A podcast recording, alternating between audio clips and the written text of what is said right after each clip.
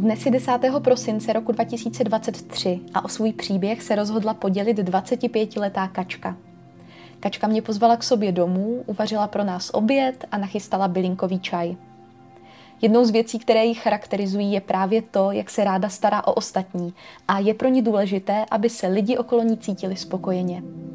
Že ráda pomáhá ostatním se projevuje také na studijním oboru, který pro sebe vybrala – je studentkou speciální pedagogiky a jednou by chtěla pomáhat lidem s handicapem. Uvědomuje si ale také důležitost pečování o sebe samu.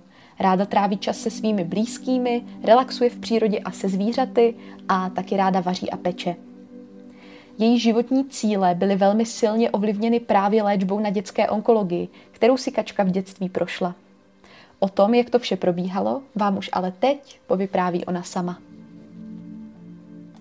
Tak můj příběh uh, ještě před léčbou začínal na konci roku 2006, kdy jsem si ve škole zlomila obratel a následně, když už jsem vlastně ležela v nemocnici, tak mi začaly obratle prastat sami od sebe a lékaři tomu vůbec nerozuměli. A následně zjistili, že mám teda osteoporózu, což mají většinou seniori ve vyšším věku, takže velkou lámavost kostí začaly se u mě projevovat takové jako zvláštní jako příznaky velké unavitelnosti, obrovský bolestí zad a nohou. A už mě vlastně docházela síla nějak se pohybovat vůbec a hodně jsem zhubla, přestala jsem postupně chodit, zhoršila se mi paměť. Jak říká mamka, tak prošla jsem celou dětskou nemocnici od vrchu až dolů ale k žádnému výsledku vlastně nedošlo. Tak jsem byla odeslána do Prahy do Motola, kde jsem byla další měsíc. Tam jsem odjela vlastně se stejným výsledkem jako v Brně. Takže to bylo pořád hrozně nejistý. Až vlastně na začátku června 2007, což bylo za dalšího tři čtvrtě roku, když, kdy už jsem na tom opravdu nebyla dobře, už jsem měla nějakých 19 kilo a neměla jsem vůbec sílu už se postavit na nohy, tak uh, jsem se dostala na psychiatrii v Bohunicích s podezřením na anorexii.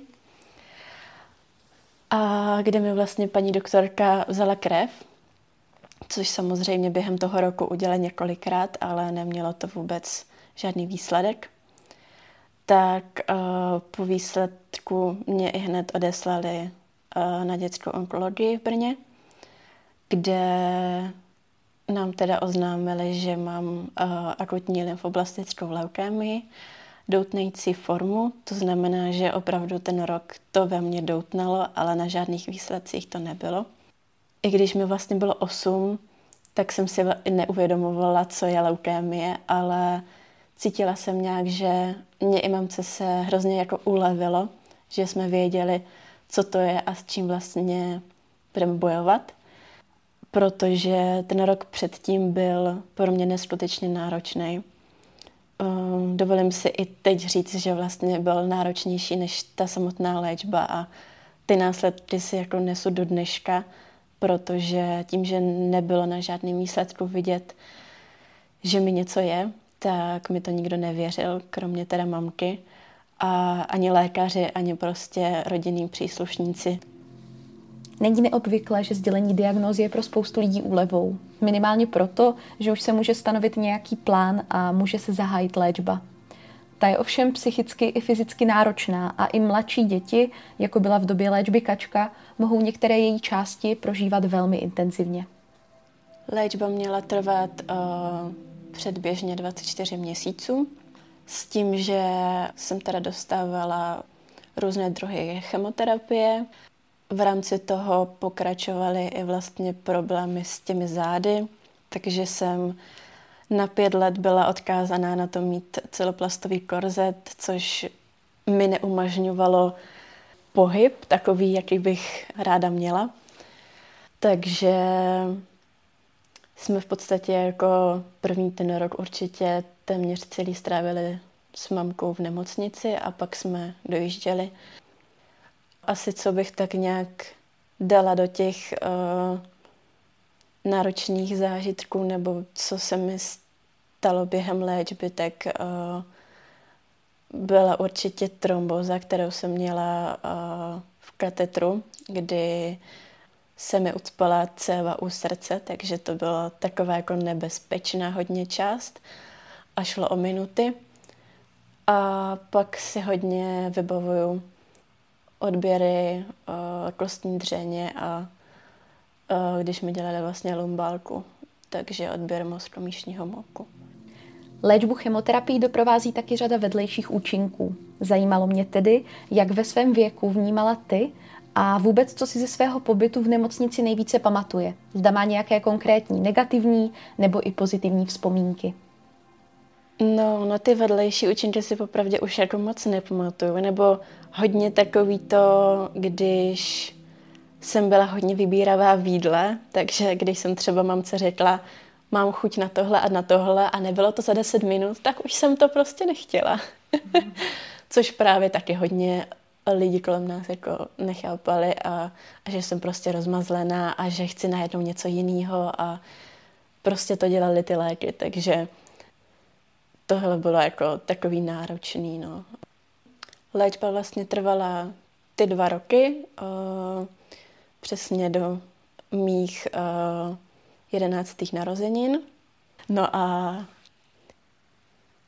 určitě bych se ráda dostala právě uh, k dobrým vzpomínkám z léčby a to bylo například, když jsme chodívali uh, téměř každý den do výtvarné dílny v rámci dětské nemocnice, kde jsem se učila různé výtvarné techniky a byla to pro mě neuvěřitelná jako relaxace a uh, úžasná arteterapie.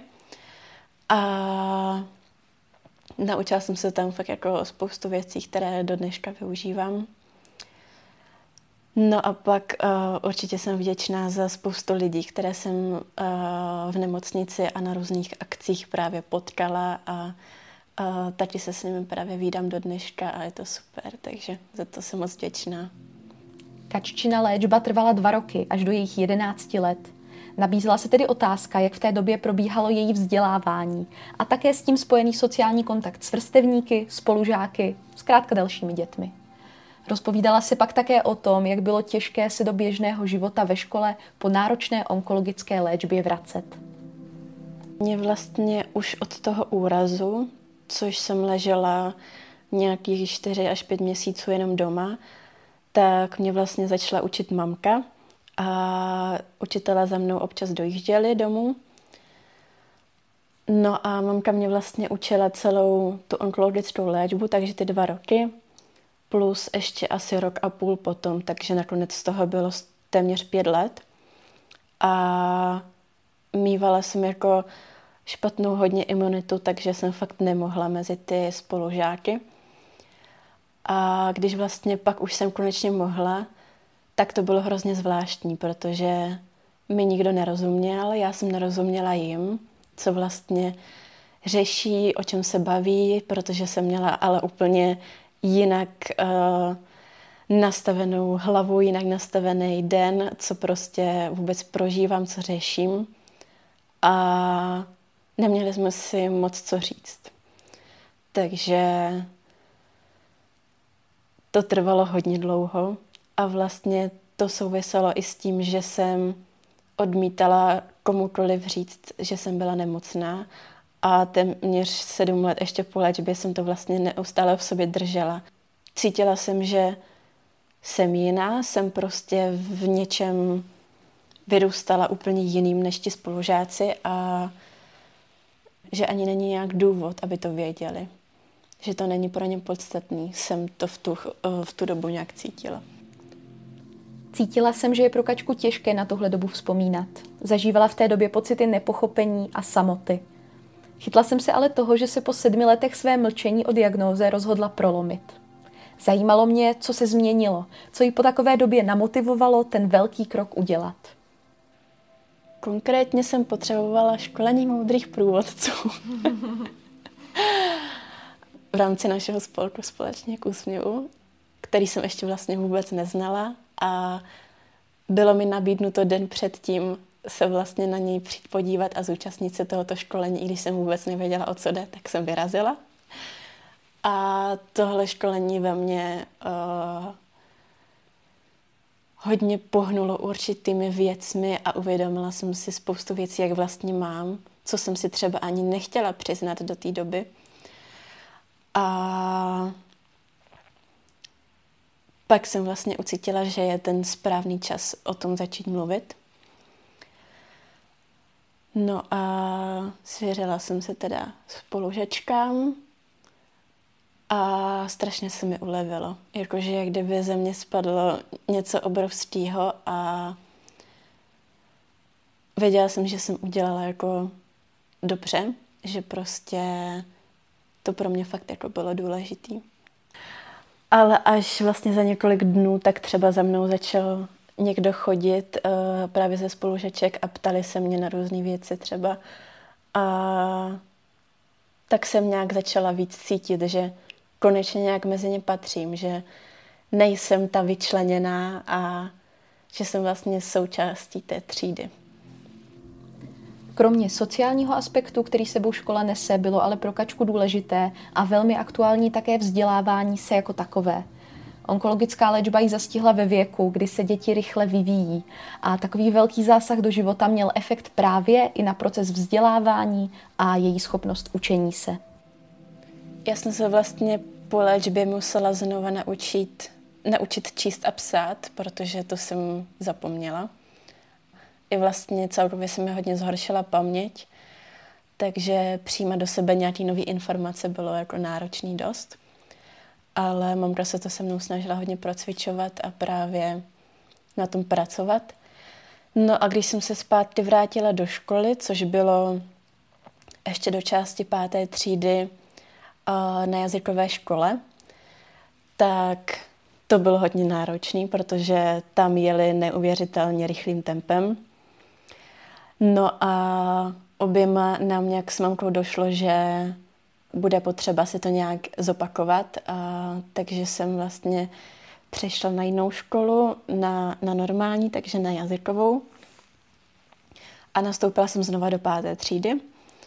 A abych si tak nějak zhrnula celý ten první stupeň, což uh, věřím, že mi fakt jako pomohlo, že uh, protože na tom druhém stupni už přece jenom jsou ty nároky větší, takže tohle určitě pro mě bylo lepší.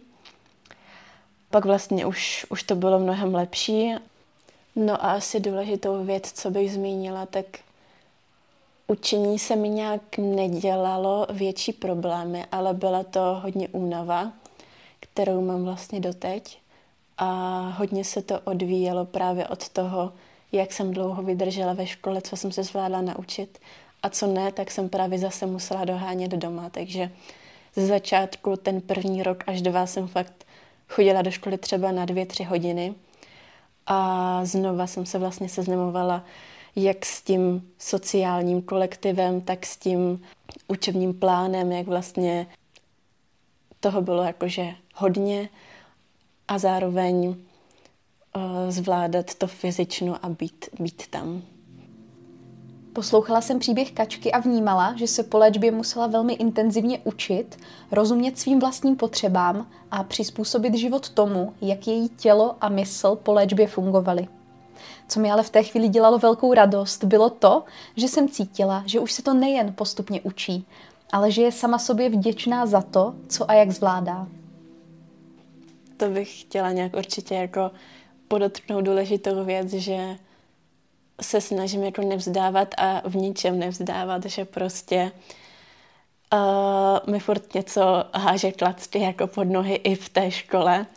A na to, že mi bude teďka 26, tak prostě teprve dokončuju bakaláře, ale jsem hrozně ráda, že jsem došla až sem, že prostě jsem to nevzdala a že uh, i když už jsem samozřejmě několikrát chtěla, tak uh, jsem došla až sem a právě to je za jediným cílem stát se speciální pedagožkou a právě pracovat s dětmi s handicapem. Právě proto, čím jsem si prošla já, tak jim dokážu porozumět a chci jim, chci jim ukázat v každém tu jedinečnost a to, že každý je skvělý a něco dokáže a nezáleží na tom, jaký má právě handicap.